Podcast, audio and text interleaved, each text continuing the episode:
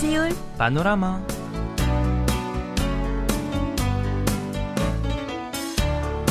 أيها الأصدقاء كان أمس يوم افتتاح فعاليات كأس العالم لكرة القدم الذي ينعقد في دوحة في قطر لأول مرة في تاريخ منطقة الشرق الأوسط.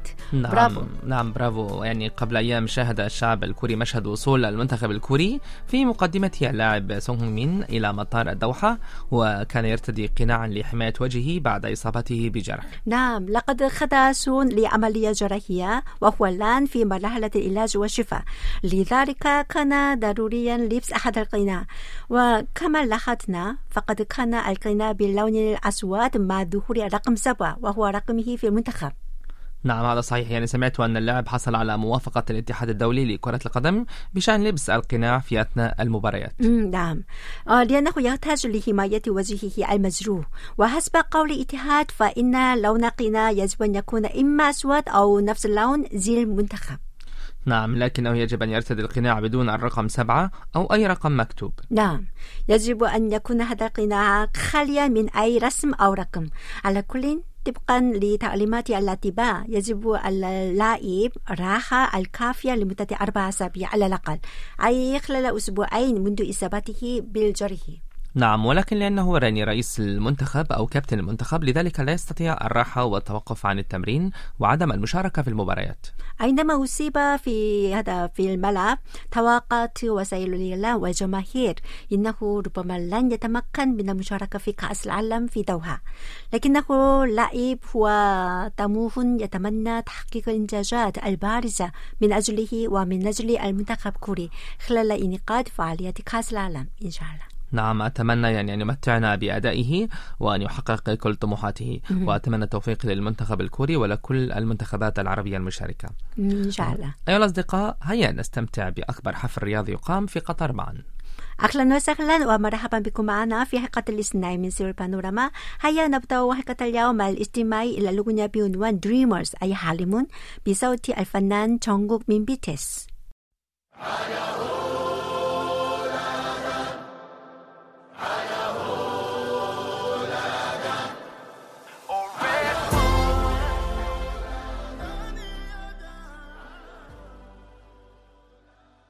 الأصدقاء في كوريا هناك قطة بدون شهاب ونسميها قطة شوارية أو القطة البرية.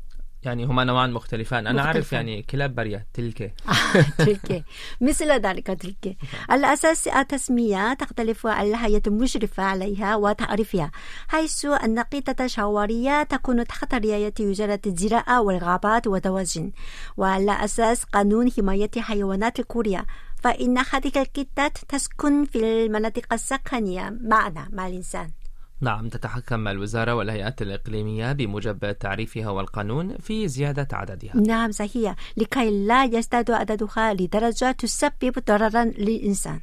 نعم بينما إذا خرجت هذه القطط من المناطق السكنية وانتقلت إلى الجبال أو الحقل فتتغير تسميتها القانونية إلى قطط برية وتكون تحت رعاية وزارة البيئة. نعم صحيح.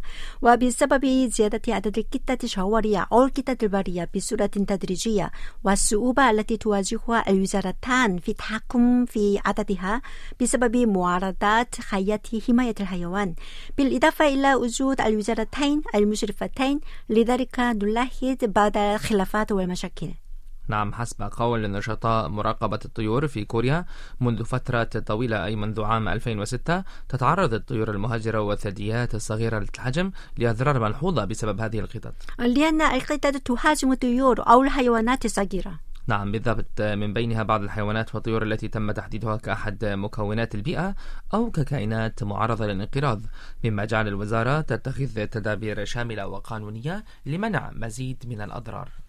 آه لكن بسبب اختلاف الحياة المعنية كما قلت فمن الصعب اتخاذ تدابير موحدة فوق ذلك هناك معارضات من قبل أعضاء حياة حماية الحيوان أو شق القطط وأغلبهم من السيدات.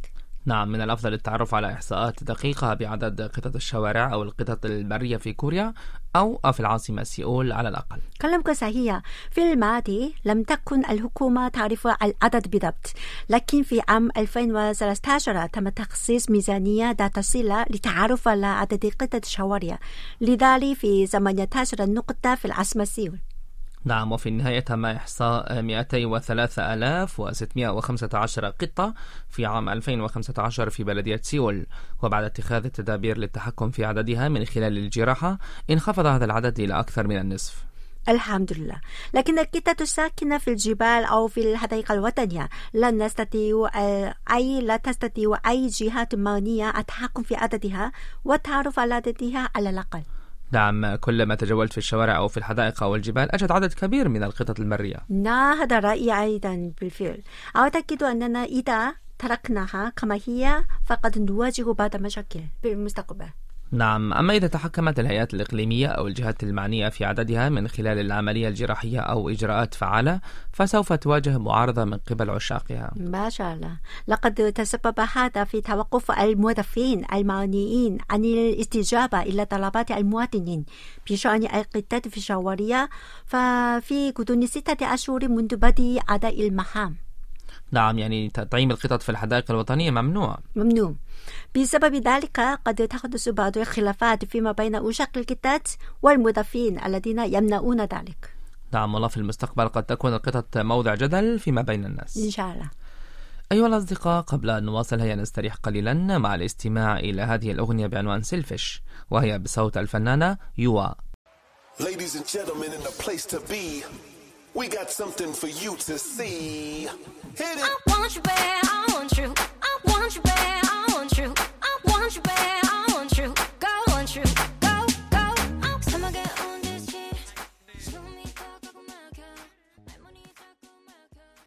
مرحبا أيها الأصدقاء.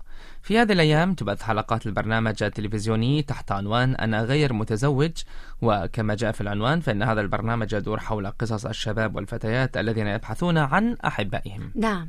اجتذبت الحلقة الأخيرة اهتمام المشاهدين بشكل مفاجئ بسبب المشاركين حيث كان من ضمن المشاركين شخصان من نفس العائلة. نعم. إنهما لم يعرفا أنهما سيشاركان معا في الحلقة بشكل مسبق بسبب عدم التواصل فيما بينهما لمدة عشرة سنوات. نعم هذا طبيعي. في الحقيقة أنا أيضا عندي أقارب من أبناء العم أو الخالات. ثم انقطع التواصل والاتصالات منذ أن أنا كنت صغيرة حتى قابلتهم مصادفة في شوارع مثلا فربما لم أستطيع التعرف عليهم بسرعة. نعم يعني هما أيضا نفس الحالة. وفور لقاء الشاب بالفتاة اكتشف الرجل أنها من أقاربه أي أنها ضمن أبناء إخو يعني إخوة الجد والجدة. مم. بصراحة هذا يعني قرابة بعيدة نقول فتقريبا أها. عندي أكثر من ألف شخص. هذا بعيدة فلكن على كل هذه يعني أنا بصراحة لا أعرف آه، إلى أقاربي يعني قريبين جدا مثلا يعني أخوالي وأعمامي وأبنائهم. لكن أخو جدي طبعاً. وأوه هذا يعني طبعاً، آه، طبعاً. ربما يعني أنا قلت هذا أنا آه كبير جدا. فلكن لم يتركوا كلاهما انتباها جيدا. لدى الطرف الآخر الحمد لله. لذلك لم تتطور هذه اللقاءات. نعم بينما عبر المشاهدون عن فضولهم حول احتمال اللقاءات أو الزواج فيما بين الأقارب في المجتمع الكوري. آه، حسب قانون ألماني ربما فإن الجواز فيما بينهما ممنوع في كوريا. نعم إذا آه، تزوج آه، ليس ممنوع في المجتمع العربي؟ لا ربما ممكن, ممكن, ممكن. نعم ممكن. يعني حس بينما عبر المشاهدون عن فضولهم حول احتمال اللقاءات والزواج كما قلنا يعني في المستقبل وإذا تزوجا يعني بدون معرفتهما سابقا ثم تعرفا على أنهما أقارب فيما بعد. آه، في هذه الحالة فإن القانون يعترف بصلاحية زواجهما فلا يحتاجون إلى إلغاء الجواز إذا كيف يحدد القانون مفهوم الأقارب؟ آه يشمل نطاق الأقارب على أساس القانون الوالدين طبعا الجدين طبعا والأبناء والأحفاد والإخوة والأخوات وأبنائهم والعم والعمة والخال والخالة وأبنائهم أيضا.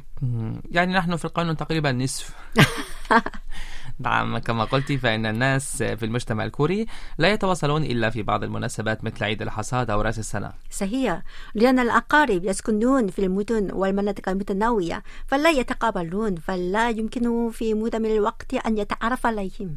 نعم يعني كما حدث في هذه الحادثة المحرجة نعم صحيح أيها الأصدقاء أنتم الآن في مع أميرة واسمادي في حلقة الاثنين من سيول بانوراما هيا نستريح قليلا مع الاستماع إلى هذه الأغنية بعنوان 사라지고 있어 أي يختفي بصوت الفنان تشين